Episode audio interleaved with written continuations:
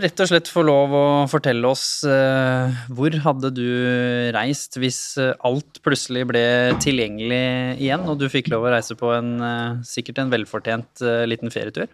Å nei, da hadde jeg reist og besøke anleggene våre. Det, det er liksom det første jeg Ja. tenker på da. I Brasil og Reiser til Brasil eller til Sunndal eller for å se og høre og, og f- kjenne på den entusiasmen og Altså, jeg sa en hvit strand og sol, av sol og varme, altså, så Og jeg sa London, liksom. Det er ikke fordi jeg liker er London best.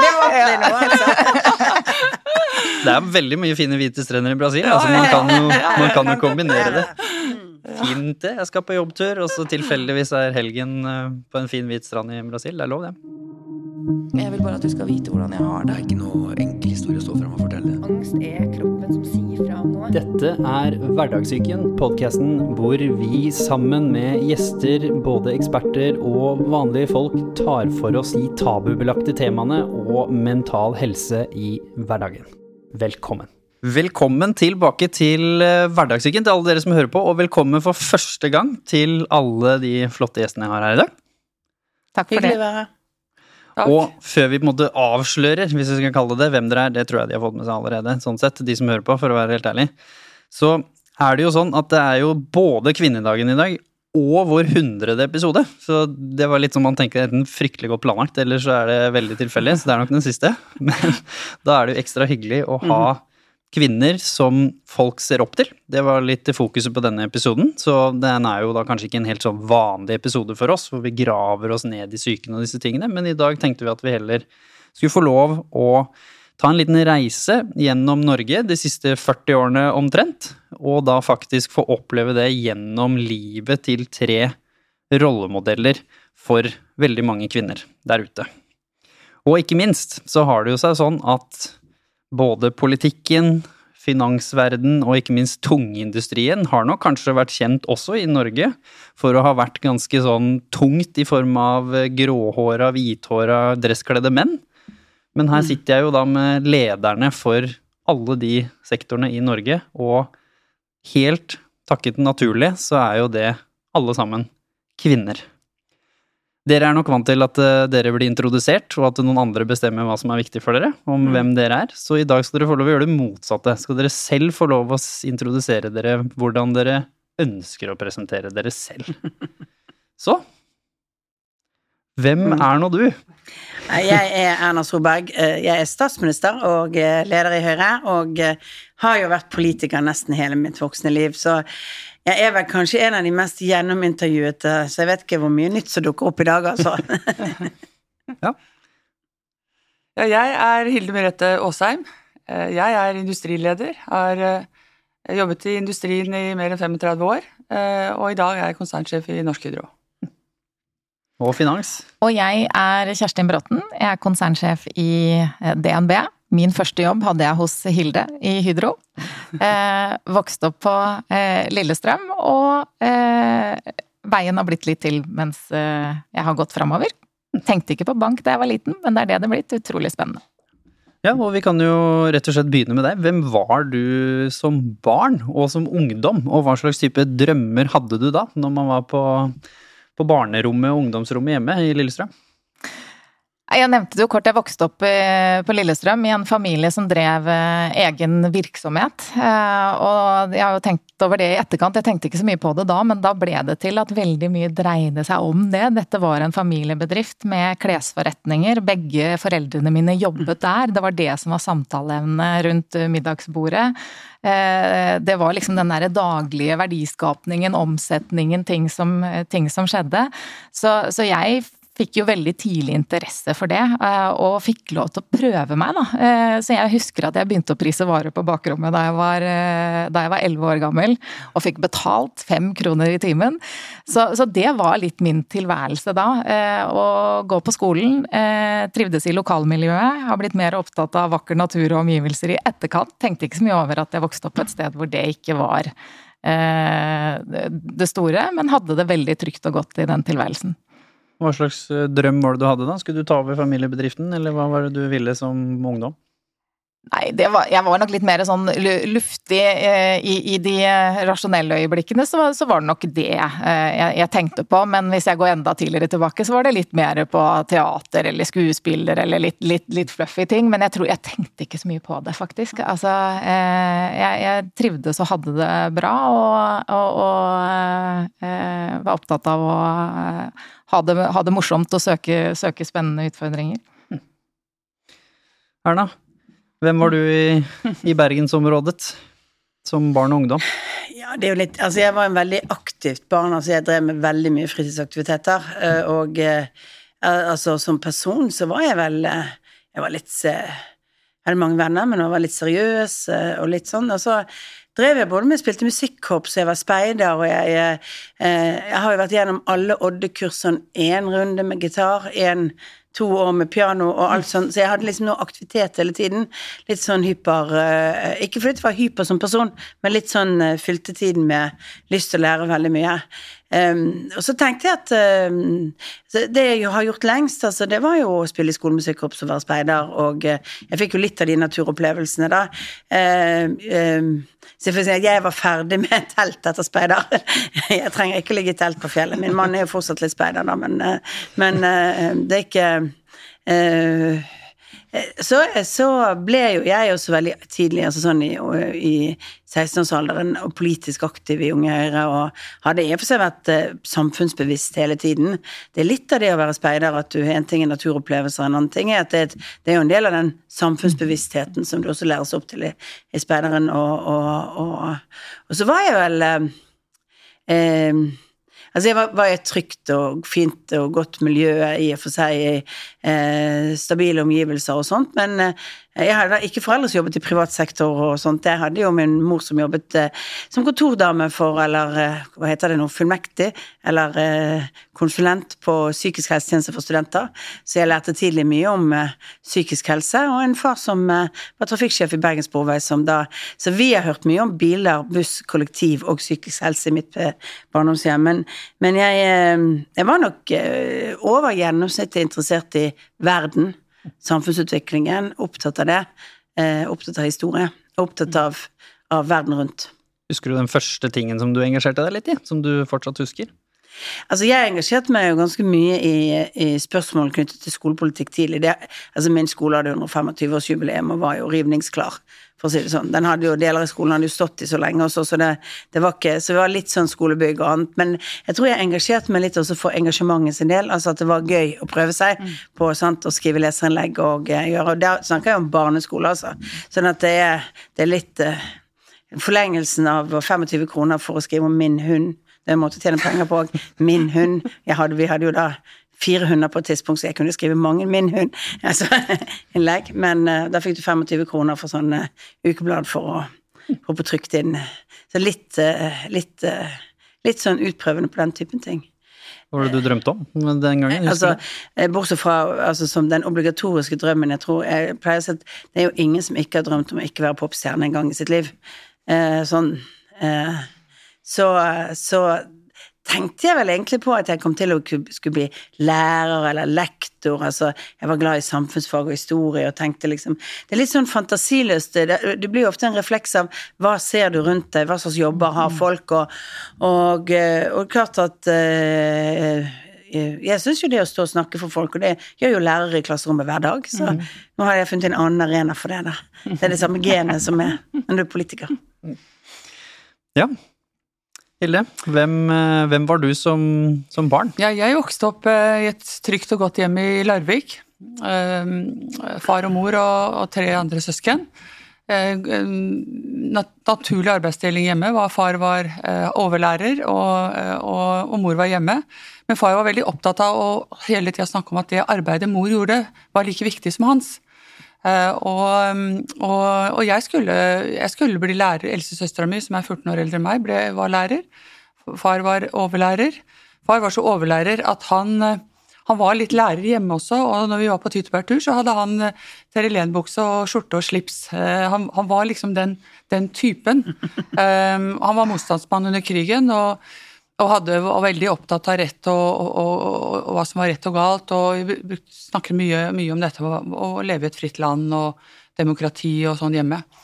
Men jeg skulle, bli, skulle da også bli lærer, og hadde, vi hadde en lekestue i hagen, og der hadde jeg skole for ungene i gata.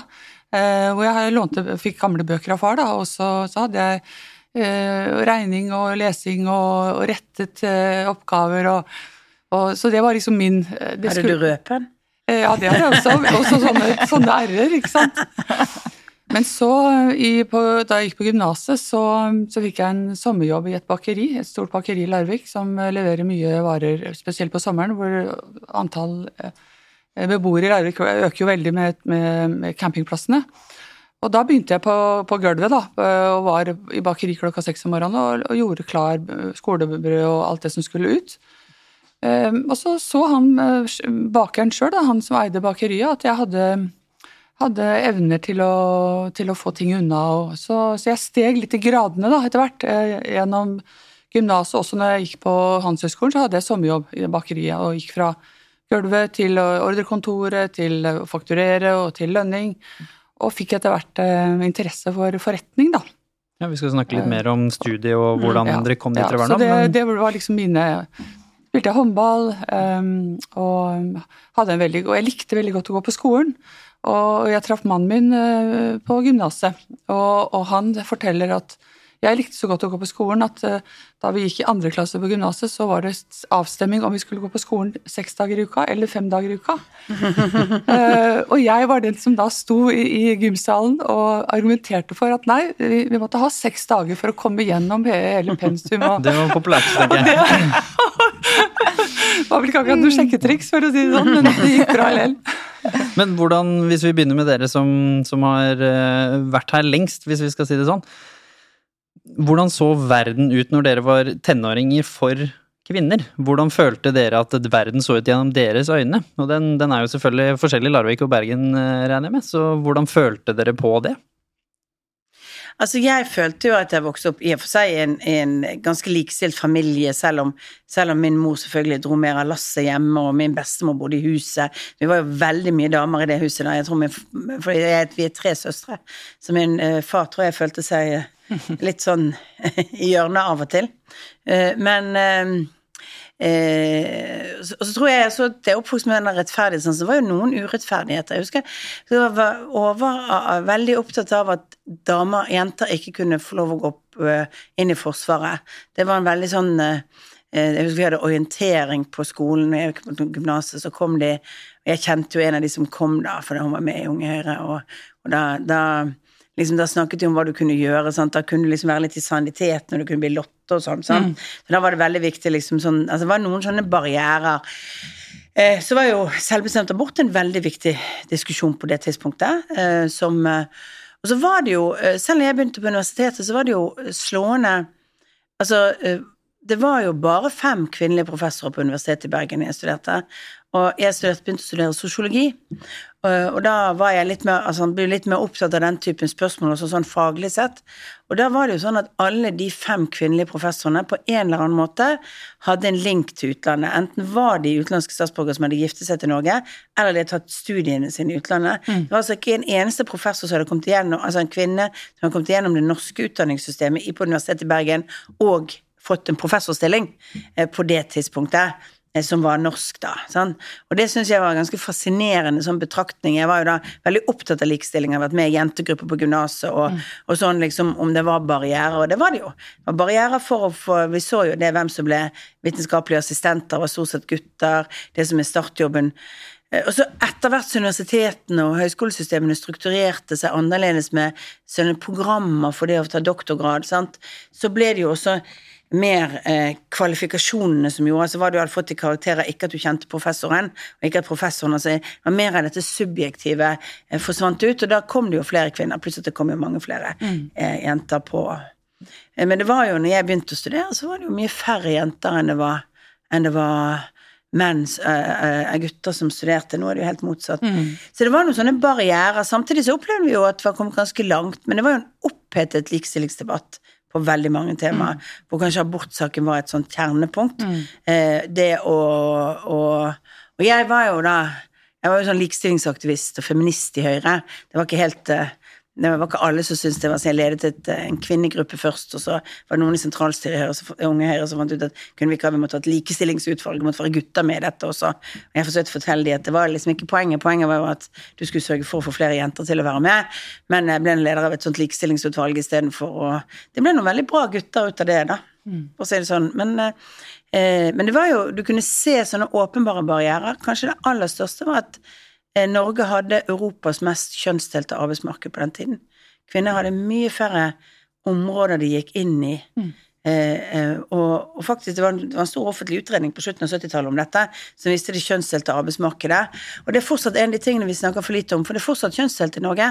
Eh, det er færre kvinner som velger utradisjonelle veier, om det er yrkesfag eller om det er eh, innenfor industri og teknikk og, eh, og selv om det heldigvis de siste 15-20 årene blitt mange flere jenter som tar realfag på, på videregående og går ned i dypdykket som kvalifiserer for det, så var det den gangen veldig lite. Det var sånn jeg husker vi hadde, jeg gikk på engelsklinje med utvidet fransk, veldig dumt for en dyslektiker, sier jeg. Men jeg visste jo ikke helt at jeg hadde dysleksi før jeg begynte der, da. Men, eh, men eh, vi hadde jo da gymmen Altså, vi var, vi var seks gutter og 22 jenter. Og så hadde vi gym med en realfagsklasse, og der var de fem jenter Ja. og to og 23 gutter. sant? Det var helt sånn systematisk fordelt.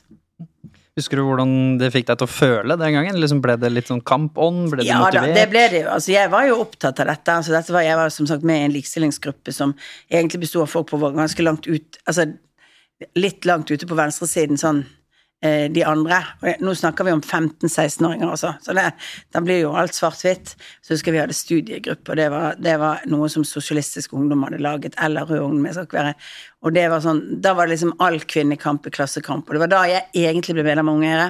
For det var i kontrasten til det hvor jeg en måte tenkte at nei, altså likestilling dreier seg om, om også om enkeltpersoner, enkeltmennesker. Dreier seg om at folk skal få bruke, bruke kvalifikasjonene sine, og at det er liksom å definere alt dette inn i et sånt klassekamperspektiv. Jeg bare sier 70-tallet, alle snakker om 60-tallet, men 70-tallet var fortsatt iallfall i ungdomspolitikken litt mer sånn svart-hvitt, langt ute. Sant? Du hadde Unge Høyre, og så hadde du SU og RU og AUF, og eksisterte omtrent ikke. Og Hvordan var det i Larvik? Hvordan du som hadde en far som løftet opp viktigheten av å være hjemme og Ja, han, han satte likestilling på, den, på dagsordenen på den måten at han var opptatt av at vi som jenter skulle, av søstrene mine også, da skulle ha samme muligheter. Og han, han var jo så spesiell at han satte mor i telefonkatalogen. For normalt så var det bare mannen som hadde navn i telefonkatalogen. Men nei, han ville at mor skulle ha, ha navnet, for hun var likestilt med han. Um, Ellers så var det jo sånn som Erna sier, at, eh, at på gymnaset jeg gikk på engelsklinja, og der var det jo nesten bare jenter, og på reallinja var det jo nesten bare gutter. Eh, men jeg, jeg, jeg, og jeg var nok ikke noe sånn veldig aktiv i, i likestillingskamp, men jeg, jeg var jo jeg var jo inspirert f.eks. av Gro Harlem Brundtland for eksempel, den gangen, som, som sto i dilemmaer selv med små barn og, og, og var frontfigur. Og også la til rette for uh, dette med barneavdekning, dette med at, eh, at en større andel av arbeids... eh, altså av eh, ja, den aktive arbeidsstokken kunne arbeide, da. Eh, og, og, men jeg opplevde liksom aldri at jeg, at jeg liksom ikke at jeg ble møtt med motstand da, på det jeg hadde lyst til å gjøre. Eh, og, de rundt meg, de eh, støttet opp. Og, og mm, så, så det har jo vært en, en kjempeutgangspunkt for meg, at jeg liksom ikke har hatt den, den eh, frykten for at jeg ikke kunne gjøre det. Eh, eh, så, så sånn sett var det bra i Larvik. Kjerstin, du kom jo ti år pluss etter. Så hvordan var det for deg når du var mellom 15 og 20? Ja, og 15 og 20 og litt, litt før det. Altså, min, min historie og opplevelse av det er, er litt annerledes. Eh, og så når jeg tenker tilbake på det, så har nok mine foreldre eh, hadde en veldig sånn tradisjonell arbeidsdeling hjemme, det skal sies. Men begge to jobbet i eh, virksomheten. Og eh, jeg er jo egentlig vokst opp inn i en verden hvor kvinnene sto i sentrum, for det denne familievirksomheten handlet om, var jo å selge kvinneklær. Eh, og det var kvinner som jobbet i denne virksomheten, og jeg har en far som har stått og sortert undertøy og driver med innkjøp av kvinneundertøy, så det er klart at kvinnene var et, et vesentlig element. I tillegg så har jeg én søster, så det var jo et kvinnedominert hjem. Eh, Vi var tre Får jeg spørre, hadde du også bare søstre? Nei, jeg har en bror. Du har en bror, ja. Mm. Så, så, jeg husker jo at uh, uten Og, temaet likestilling sto ikke på agendaen hjemme hos oss, mm. men min første rollemodell og, og, min sterkeste rollemodell er jo mamma. Mm. Fordi til tross for den tradisjonelle arbeidsdelingen dem imellom, er hun en utrolig sterk dame, og hun var også sjef på jobb. Mm. Så det gjorde nok, var nok liksom medvirkende til at Eh, jeg eh, stilte ikke spørsmålet. Det mm. kom ikke på agendaen eh, hos meg som, som en begrensning. Mm. og jeg kom nok mye Ble mye senere oppmerksom på de samfunnsrelaterte problemstillingene som jeg har blitt veldig opptatt av, mm. og, og ser utappet potensialet, ser viktigheten av å jobbe med det, men, men, opplever nok at jeg har hatt en veldig fordel av å ikke engang stille spørsmålet. Det, det fantes ikke en tanke hos meg at det skulle være en begrensning. Jeg spurte om det om du hadde prosa. Det er fordi min storsøster, da, som jo har jobbet i næringslivet, hun, eh, hun har jo den teorien om at eh, eh vi eh, egentlig ikke opplevde å bli urettferdig behandlet hjemme fordi vi ikke var noen mm. gutter. Altså at det var rett og slett litt sånn, mm. sånn at, at, du får en annen styrke. Mm. Altså du, du, tenker ikke så mye over det på den privatbasisen, da. Mm. Mm.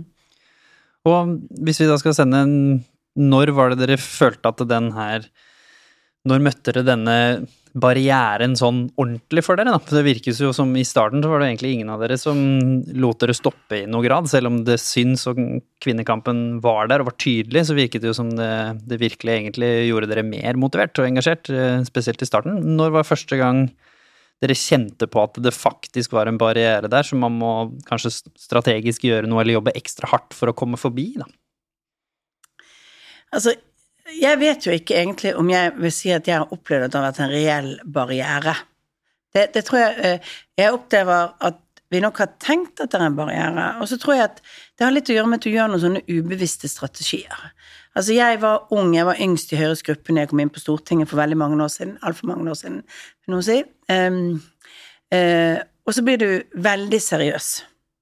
Altså, du skal være Jeg tok alle de mest nerdete, seriøse tingene, sant. Eh, eh, litt motsatt av hvordan du egentlig i dagen Det var en litt annen politisk virkelighet den gangen òg.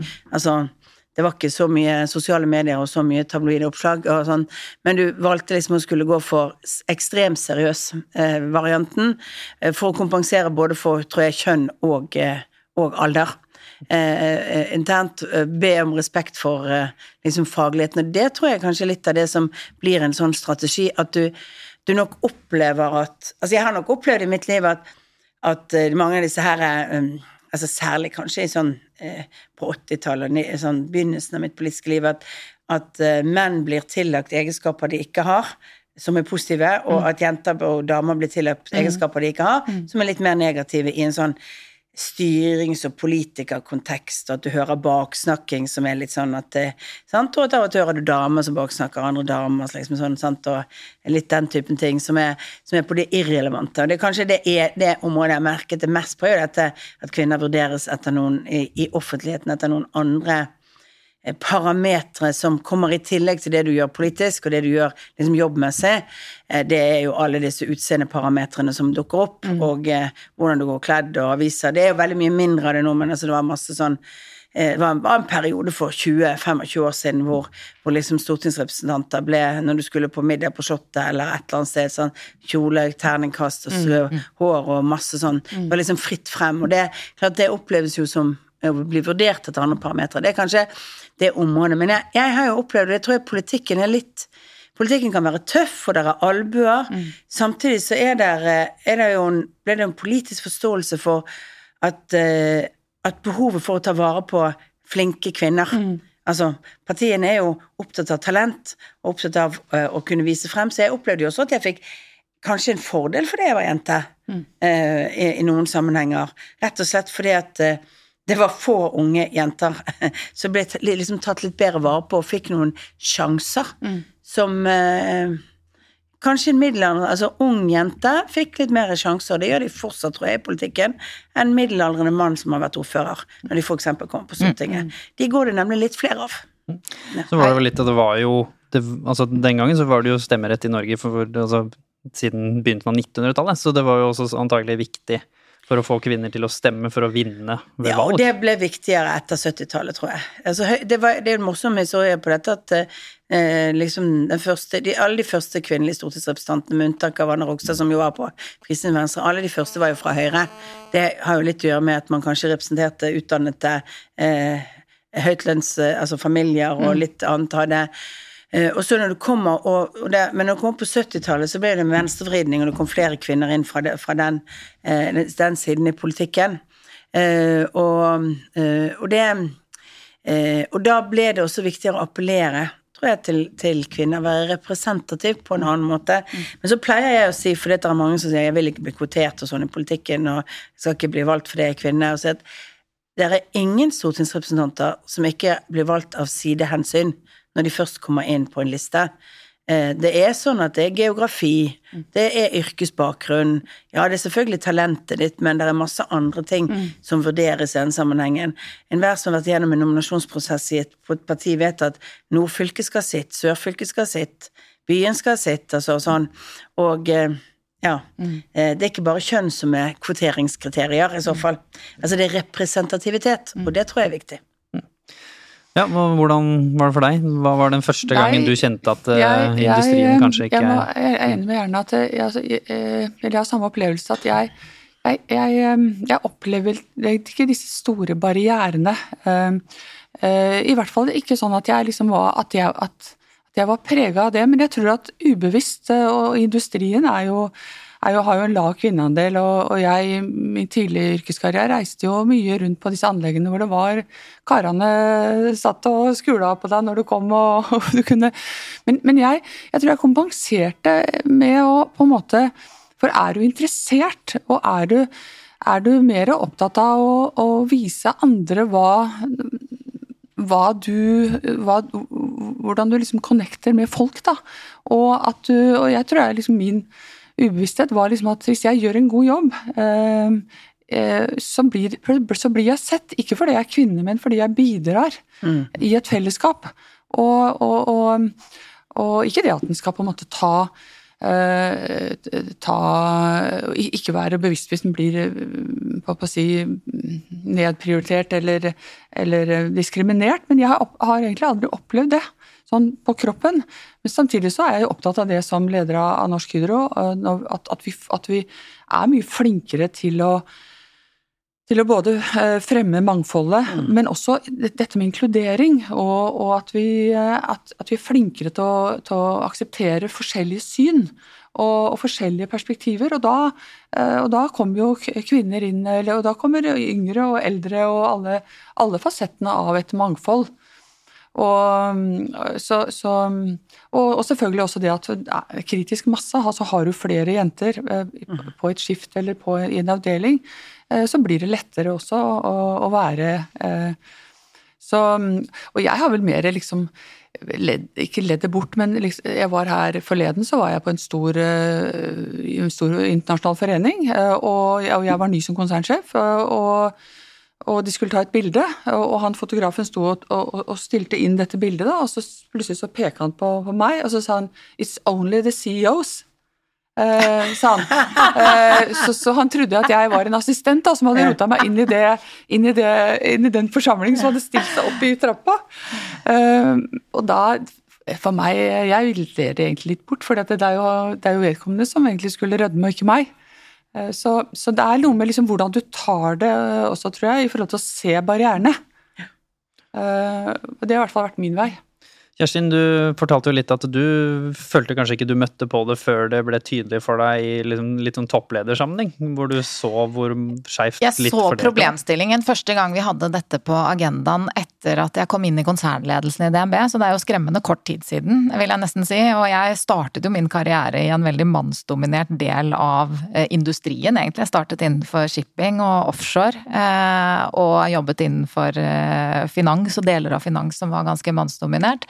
Men, men har, nok, har ikke opplevd begrensningene knyttet til det. Og jeg husker at jeg tenkte første gang vi skulle diskutere dette i konsernledelsen i DNB, at slapp av, dette kommer, her er det bare å ta tiden til hjelp. Og så fikk jeg til min forskrekkelse se at vi faktisk var på feil eh, var på, eh, på vei i feil retning. Og det til tross for at jeg opplevde at vi hadde en styreleder som over år hadde løftet dette på agendaen. Vi hadde da en konsernsjef som hadde løftet dette på agendaen, og det var uttalt i veldig stor grad. Ikke bare av viktigheten av å akseptere mangfoldet, men den verdien som ligger i mangfoldet. Og jeg har jo alltid hatt en veldig sånn forretningsmessig tilnærming til dette. At man gjør det som er nødvendig for å, for å lykkes. Eh, Og det er jo et utappet potensial. Men, men jeg liker så godt det, det både, både Erna og Hilde eh, løfter frem knyttet til eh, det å faktisk se fordelene også. Fordi eh, der hvor det ligger utfordringer eh, som jeg ikke opplever å møte på, jeg, og, og så tror jeg veldig mange har det, det er viktig at vi anerkjenner det også, eh, men eh, jeg har faktisk også opplevd fordeler, eh, fordi eh, eksempelvis da jeg jobbet innenfor shipping, så var det noen ting jeg ikke kunne gjøre. Eh, vi jobbet i en næring hvor Norge var verdensledende, jeg jobbet veldig globalt, men for meg å knytte relasjoner til kunder med å invitere da en mannlig eh, sjef eller finansdirektør på puben og ta en øl og se på fotballkamp, det, det kjente jeg at det var ikke naturlig. Men det jeg også kjente var at eh, når det var middager, store anledninger og møter, så fikk jeg jo gjerne sitte på hovedbordet. Fordi det var jo ingen andre damer der. Og det var jo da å utnytte den muligheten. Og så har jeg sittet og hospitert på et meglerkontor med en rekke skipsmeglere i, i New York, eh, eh, og opplevd det samme som Hilde beskriver. At hvis du, hvis du er interessert i det de holder på med, altså hvis man er interessert i å lære og bidra, eh, så blir det andre som ligger rundt, veld, veldig fort borte. Så da, da husker jeg jo en satt i telefonen en gang og bannet og svertet og sa kvinnfolk har ikke noe i denne bransjen å gjøre. Men, men jeg følte ikke han snakket om meg. Eh, altså, eh, sånn at eh, eh, jeg tror det er, eh, det, det er noe som ligger rundt all, alle mennesker. At vi, vi blir farget av tradisjoner, kulturer, men det er ikke alltid det er så vanskelig å bry- bryte gjennom. eh, heller. Husker du hva du følte første gangen du skjønte at det var skjevfordelt? Når du ikke trodde det var det? Når det kom kanskje som en liten overraskelse? Hva kjente du på selv da? Nei, da ble jeg faktisk litt skuffa. På vegne av oss kvinner. Eh, og tenkte at eh, nå må vi virkelig brette opp ermene og, og ta ytterligere grep. Og, og for meg så var det en oppvåkning eh, om eh, ikke bare viktigheten, men kanskje faktisk hvor eh, eh, hvor viktig det er å stå i denne type utviklinger, da. Mm. Både knyttet til kvinner, hvor vi har kommet et stykke på vei, og jeg mener vi har sett i politikken for inspirasjon, og det er jo flaut for næringslivet, vil jeg si, hvor, ja, ja. hvor trege vi har vært eh, opp mot, mot mm. det politiske. Eh, og, og jeg har vært så opptatt av å få has på denne eh, måten å se ting på. Eh, altså eh, at vi tillegger kvinner andre egenskaper enn de har. Det gjør, det gjør vi nok med menn også, så treffer det kanskje litt, litt ulikt. Men, men la oss dreie det inn til altså Hvis man er opptatt av å gå inn i et marked for å lykkes forretningsmessig, så sier du ikke nei, vi skal gjøre det akkurat sånn som vi har gjort i Norge når vi går inn i Brasil, fordi at det virker. Og jeg mener vi må tenke på dette på samme måten. Du må nok kanskje bruke andre virkemidler, tenke annerledes fordi du jakter på den kompetansen. Men det er ikke noe nederlag. Altså det er jo tvert imot en strategi. Jeg tror at noe av det som skjer ofte, er jo at man eh, Man sier det er ikke nok som kvinner som vil eller søker, og det, det er nok riktig. At det ikke er nok som søker. For det at jeg tror kvinner ofte må spørres om. De må fortelles altså, altså, at de er kvalifisert nok, at de er gode nok, at, de, at vi trenger eh, Jeg tror vi skal være ærlige om at eh, veldig mange kvinner er litt mer trygghetssøkende. Det vet vi jo, altså fra sånn psykologisk testing og en sånn. Litt mer trygghetssøkende eh, enn en mennene. Kanskje da ikke løper mest for å skifte jobb. Tør kanskje ikke ta så mange sjanser med å si at eh, med å stikke seg langt frem. Og det er, betyr at ledere i store selskaper i næringslivet er nødt til å ha en bevisst rekrutteringsstrategi, en bevisst måte å dyrke talenter på, en bevisst måte å tenke. Og det har, altså Politikken er det kanskje ikke like bevisst, men man har det, for vi ser jo markedet altså, Jeg tror det, det er litt sånn markedsstyrt. Noen partier har kvotering. Eh, Mitt parti har ikke kvotering, men vi har nesten like mange kvinner likevel. Og eh, vi har f.eks. tre kvinner på topp og i Sør-Trøndelag. Hvis det hadde vært tre menn på topp, så hadde det vært en diskusjon. Det er ikke en diskusjon i Sør-Trøndelag, men de er faktisk de mest kvalifiserte, og da er det sant, dyktige damer. Så, men, eh, så vi tenker liksom at vi trenger ikke kvotering, men, men klart vi alle tenker at en liste kan ikke se ut som den gjorde på eh, 70-tallet med bare menn, eller eh, tenker at vi må ha personer som reflekterer. Og så jobber man og leter man ofte etter talent. Spør. Sant? Mm. Fordi at du må kanskje dyrke frem noen, Mm. eh, og gi folk eh, eh, ja, lysten på, og tanken på, ambisjonen om å, at du f.eks. kan bli politiker, at du kan, kan uh, satse på det. Det er jo et eh, midlertidig yrke, da, og en risiko knyttet til det, vet du, med, med fire års bolker og stå til valg og stort mediepress. Men det, det er um, det er nok noe av det som næringslivet er, også trenger bevisste strategier, og spørre kanskje både Mm. to og tre og fire ganger uh, folk om de vil søke, vil gå videre. Uh, For jeg tror egentlig at det er eh, Og så er det viktig å fortelle jenter at når toget er der, så er det, gjelder det å hoppe på. Og så er det heller bedre å gå av hvis det ikke passet akkurat da. Det er bedre å forsøke seg. Det verste som kan skje, er at du feiler, og det er ikke en grunn for det, og det er akkurat det jeg tror er, eh, er veldig viktig, og, og, og, og det har vært med min uh, utvikling, at, at det å tørre å ta, det, ta den jobben, og, så ser du at du, du, bredder erfaringa di, du får eh, nye perspektiver, som igjen liksom gjør at du kommer, kommer, kommer videre, du blir ikke stående fast. Og det å tørre å ta det ta, ta det spranget. Ellers er jeg helt enig, og, og det er noe jeg jobber med nå også i Hydro. Det å for det første sette en veldig tydelig målsetting. Vi, også, vi har altfor dårlig kvinneandel tvers igjennom selskapet. eh, og jobbe mye mer systematisk eh, med det, men, men også å vise hvor spennende industri er. For vi sliter fortsatt med det. At, eh, og du sa tungindustri, og jeg er ikke så veldig glad i det ordet, for det er ikke rå muskelkraft som gjelder lenger. I, det er høyteknologi på, på veldig mange områder. Eh, Og som skulle ligge så til rette når du ser den kvinneandelen som er på universiteter og høyskoler og, eh, og i dag.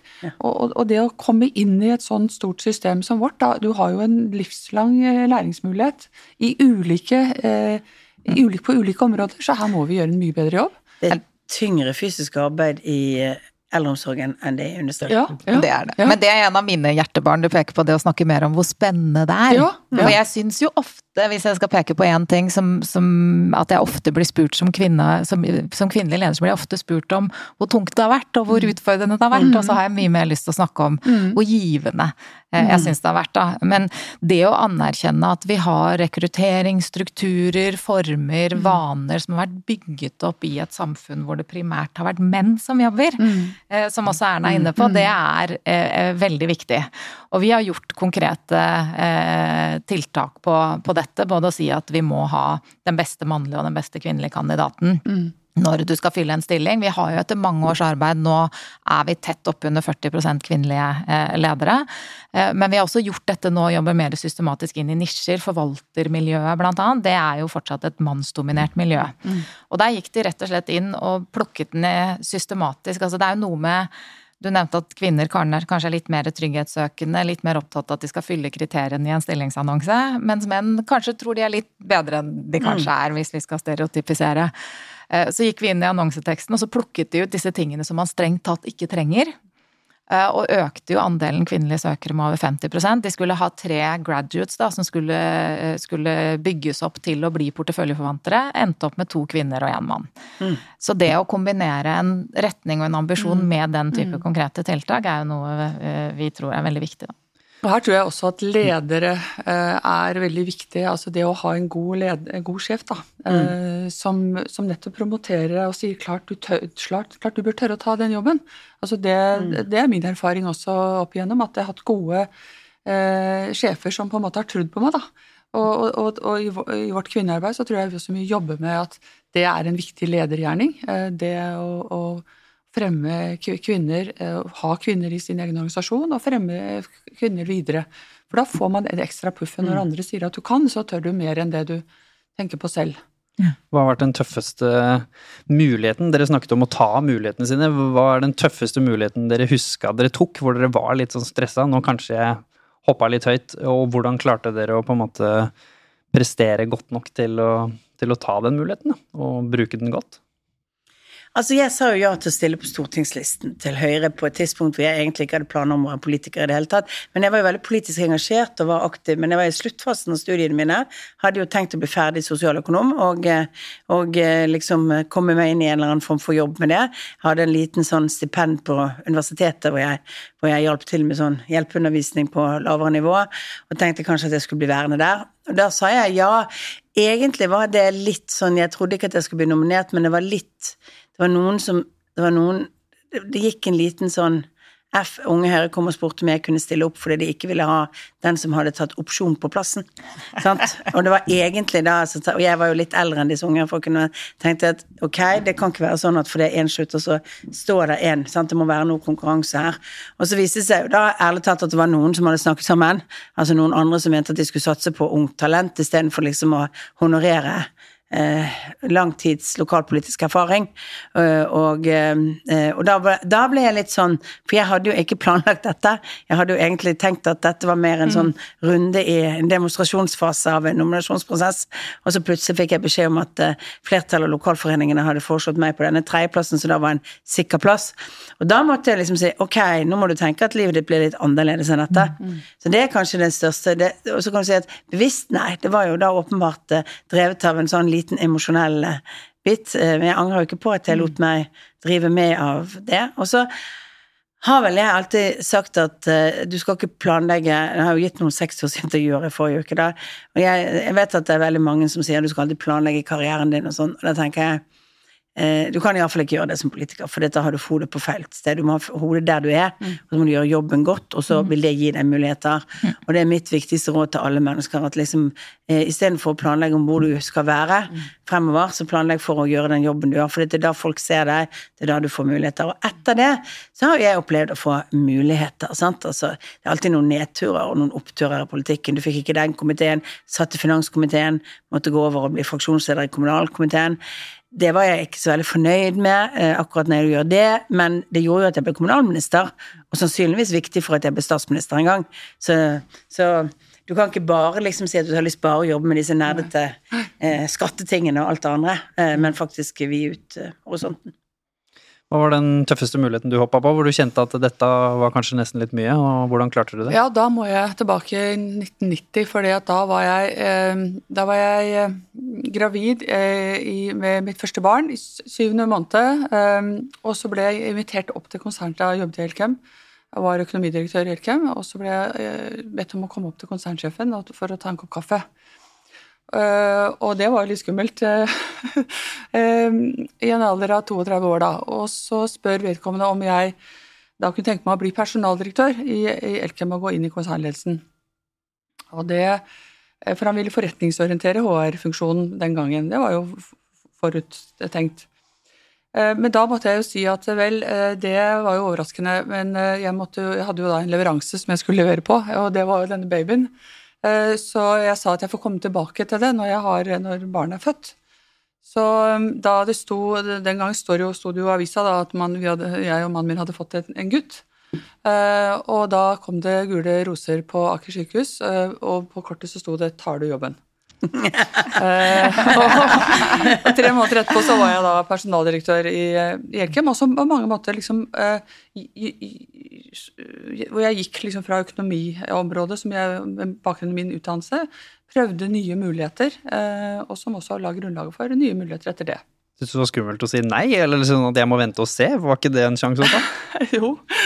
Så, men, jeg, men, jeg, følte liksom det at jeg, jeg hadde ikke oversikten. Jeg, jeg, visste ikke hvordan dette Det var første barnet, du er jo litt mm. usikker i den situasjonen, så jeg tok ikke sjansen på det. Så, men han venta. Spennende. Kjerstin, hva har vært den tøffeste, og hvordan håndterte du det? Jeg, eh, jeg, jeg, var veldig heldig da jeg begynte i DNB og jobbet, kom inn i et område som var i veldig vekst og utvikling. Eh, og derfor så fikk jeg løpende Jeg tror jeg hadde telte at jeg hadde elleve forskjellige jobber eller ansvarsområder på de 13 årene jeg var i den eh, storkundeavdelingen jeg jobbet. Og det, det, det er veldig givende når du hele tiden får lov til å bryne deg på nye oppgaver. Så det er klart, da var det jo stegvis nye utfordringer. Men hvis jeg skal tenker på det største steget for min del, hvor jeg kanskje kjente mest på det i magen, så er det nærmere i tid. og Faktisk litt lignende Hilde, for det var også en invitasjon til en kopp kaffe opp til konsernsjefen. Og jeg satt jo langt unna organisatorisk, og hadde en liten avdeling på 18 stykker den gangen. Eh, og turte jo for guds skyld ikke si til konsernsjefen han, Jeg pleide jo ikke å snakke med han at jeg satt, faktisk satt hos frisøren og stripet håret da han sendte melding og lurte på om jeg kunne komme opp. Eh, Men, men da, da, han med, da jobbet han med endringer i konsernledelsen og, og spør om jeg kan tenke meg å ta ansvaret for et helt annet område enn det jeg jobbet i den gangen, og et område som ikke eksisterte, men som skulle fusjoneres ut av dette var det regionale næringslivet i Norge, da. Jeg kjente ingen av de som jobbet der, jeg visste ikke hva de holdt på med, og det, dette var en organisasjon med 800 mennesker, altså det vil si drive ledelse på, eh, på et helt annet nivå. Eh, Det skjønte jeg jo i etterkant, det skjønte jeg faktisk ikke da. Eh, Og jeg husker at jeg satt litt sånn på nåler, for jeg tenkte at han må jo ha skikkelig dårlig tid, så jeg må ikke bruke for mye av tiden hans. Eh, Så reiste jeg meg opp og sa ja, nå har jeg fått litt å tenke på, og da sa han ja, du har to dager. Eh, Og jeg kunne selvfølgelig ikke snakke med noen, for dette var jo konfidensielt. Og da gikk jeg hjem og spurte mannen min, han er alltid super supportive, eh, så vi har liksom tatt felles beslutninger hele veien. Han sa har du lyst, så gjør du det, har du ikke, så gjør du det ikke. Så tenkte jeg, men har jeg lyst? Hvordan, hvordan skal jeg ta denne beslutningen? Eh, altså, hva krever det? Så fant jeg ut at jeg, jeg har ikke forutsetningene faktisk for å sette opp denne listen for å vurdere om dette er, om dette er noe jeg kan eller ikke. Så jeg snudde problemstillingen på hodet, så sa jeg men, eh, men hvorfor skal jeg ikke gjøre det? Og der sto det bare én ting på den lista, eh, som jeg nevnte kort i stad. Der sto det frykten for å feile. Og da blir jeg ordentlig sånn ibanna på at det eh, skal ikke ikke stoppe meg fra å si ja til en mulighet. Eh, Så da ble det enkelt å svare ja. Eh, Men det var et utrolig tøft eh, løft, eh, som jeg gikk på med giv og lyst, men eh, hvor jeg liksom nok fikk kjenne på mine At jeg ordentlig utfordret grensene mine og lærte mye om meg selv, da, gjennom det første året, halvannet, i den jobben. Sist, men absolutt ikke minst, eh, råd til både kvinner og menn, fordi de rådene gjelder jo alle. Hvis dere skal avslutte episoden med den viktigste lærdommen dere sitter igjen med for å klare å ja, bli den dere har vært i dag, hva har dere å si til de som hører på? Jeg tenker egentlig det jeg sa i sted, nemlig at du må gjøre jobben godt der du er. Altså, du også si ja til sjanser. Altså, men må, denne voldsomme tanken om sånn voldsom planlegging, den tror ikke jeg på. Jeg tror du, eh, jeg tror du mister fokus eh, fra å gjøre jobben der du er. Og så tenker jeg at eh, det er Og så tenker jeg at det er en viktig ting som jenter kanskje i enda større grad bør ta til seg. Hvis du virkelig ikke trives i den jobben du er i, så, eh, så gjør noe annet. Mm. For det, det tror jeg det er en del som blir gående litt av frykt for at de ikke får en annen jobb. Men da gjelder det, og om det er å ta noe annen utdanning, gjøre noe annet, det går an å gjøre skift i livet sitt. Det er, for jeg ser en del som, som jeg treffer som mistrives i det, og som ikke tør ta spranget til noe annet. Og det er grunnlaget ofte for at du slutter for tidlig i arbeidslivet, Brenner ut? brenner ut, mm. den typen ting. Eh, Så, eh, så gjør det. Men jeg, jeg er egentlig tilhenger av Jeg er tilhenger av hardt arbeid og gjøre jobben godt, til, da. Det tror jeg ofte er oppskriften på det meste. Nei, det er akkurat samme jeg ville sagt, og som også er reflektert i min egen karriere. Eh, Gjøre en god jobb der du er. Si ja til nye muligheter. Eh, Det, det angrer du sjelden på. Du, får, du bredder din bakgrunn. Du har mye større muligheter hvis du, istedenfor å sitte fast i en funksjon. Kanskje være litt ekstra nysgjerrig på ting Ja, når du er ute ja. og snakker med folk? Du snakket om Ja. å connecte med folk i stad. Hvorfor er det viktig? Jo, det er, for er du nysgjerrig, så er du også interessert i nye områder. Eh, Du, du, du ser nye spennende muligheter. Du, ser at ja, men her kunne det være spennende å jobbe. Så, så, så, men det er, eh, det er gjør en god jobb. Eh, Da, da, da bør man bli synlig eh, og, og, og ta mulighetene. Det er jo veldig lett å si seg eh, enig. Hvis jeg skal legge til noe annet, så er det kanskje å bygge på dette med nysgjerrighet. Fordi eh, det å si ja er viktig. Eh, men så er det også sånn for mange at de mulighetene kanskje ikke kommer. Så det å Jeg er ikke noe tilhenger av å planlegge. Jeg hadde aldri i mitt liv tenkt at jeg skulle bli konsernsjef, men har lært at vi mennesker evner å utvikle oss mye mer enn det vi eh, Og lære oss ting vi, eh, vi- ikke tror før vi, før vi erfarer det. Eh, Så jeg håper det kan være en, en inspirasjon. Men denne nysgjerrigheten, da. Det å gå etter ting du er opptatt av. Jeg snakket med noen graduates hos oss i uken før forrige uke, og de var så opptatt av at vi skulle legge til rette for at de skulle bygge riktig kompetanse fremover. Så sa jeg men senk skuldrene. Gå etter det dere gjør jobben hvis dere ikke trives der dere er. Gå etter, vær nysgjerrige. Det er så mange i dette konsernet som har lyst til å lære dere eh, om, om andre ting. Eh, og, og, og vær utforskende. Og gjennom det så blir man eh, synlig. Eh, og det er klart vi som er ledere i næringslivet, vi jakter jo på folk som har lyst til å bidra og har virketrang, og ønsker å legge til rette for det når vi ser eh, at, at, at evnen er der. Og alle har eh, noe unikt de kan bidra med. Hvis jeg får lov å legge til ett råd som iallfall selvfølgelig er litt ob- obvious når du er politiker, men jeg tror det gjelder litt andre steder, at eh, jenter må innstille seg på at alle ikke kommer til å like det. Altså det er litt sånn, for jeg tror vi, vi er litt sånn blir mer opptatt av de som sier noe negativt, eller de som på en måte ikke syns at det sant? Eh, Og, og det er litt Det tror jeg er et sånn sosialt mønster vi har med oss fra vi vokser opp. eh, Og, og jeg, jeg tror det, du må liksom innstille deg på at noen ikke kommer til å like deg. At det noen kommer til å mene at du har fått muligheter eh, eh, som du ikke fortjente, eller blir litt misunnelig og sånt. Og det må man tåle i livet. Mm. Det er eh, Jeg tror det er mange som, som stresser med at, eh, med at eh, de hører mer på de som har negative synspunkter, enn de som har positiv tilbakemelding. Og kanskje et annet råd også, ikke gå rundt og ha dårlig samvittighet for, for at, du skal være, at alt skal være så perfekt eh, i forhold til hjemme og jobb og, og For den dårlige, energi, den dårlige samvittigheten, den trekker så mye energi.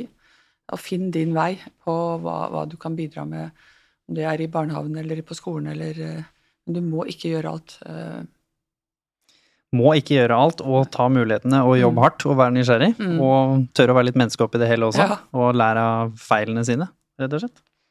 Tusen hjertelig takk for at alle dere stilte opp her. Det var jo et mirakel i oss eh, i seg selv, som vi sa, at vi klarte å få alle dere tre til å være på samme sted til samme tid, og dele denne tiden med oss. setter vi enormt pris på. Tusen hjertelig takk til alle dere som hører på. Ta nå dette til dere, og ta med dere det dere ønsker, og prøv da å faktisk skap det livet dere vil ha der ute, uansett om du er kvinne eller mann, rett og slett. Tusen hjertelig takk igjen, og vi ønsker alle sammen en fantastisk eh, kvinnedag og kvinneuke, og generelt en god dag uansett. Tusen takk for oss.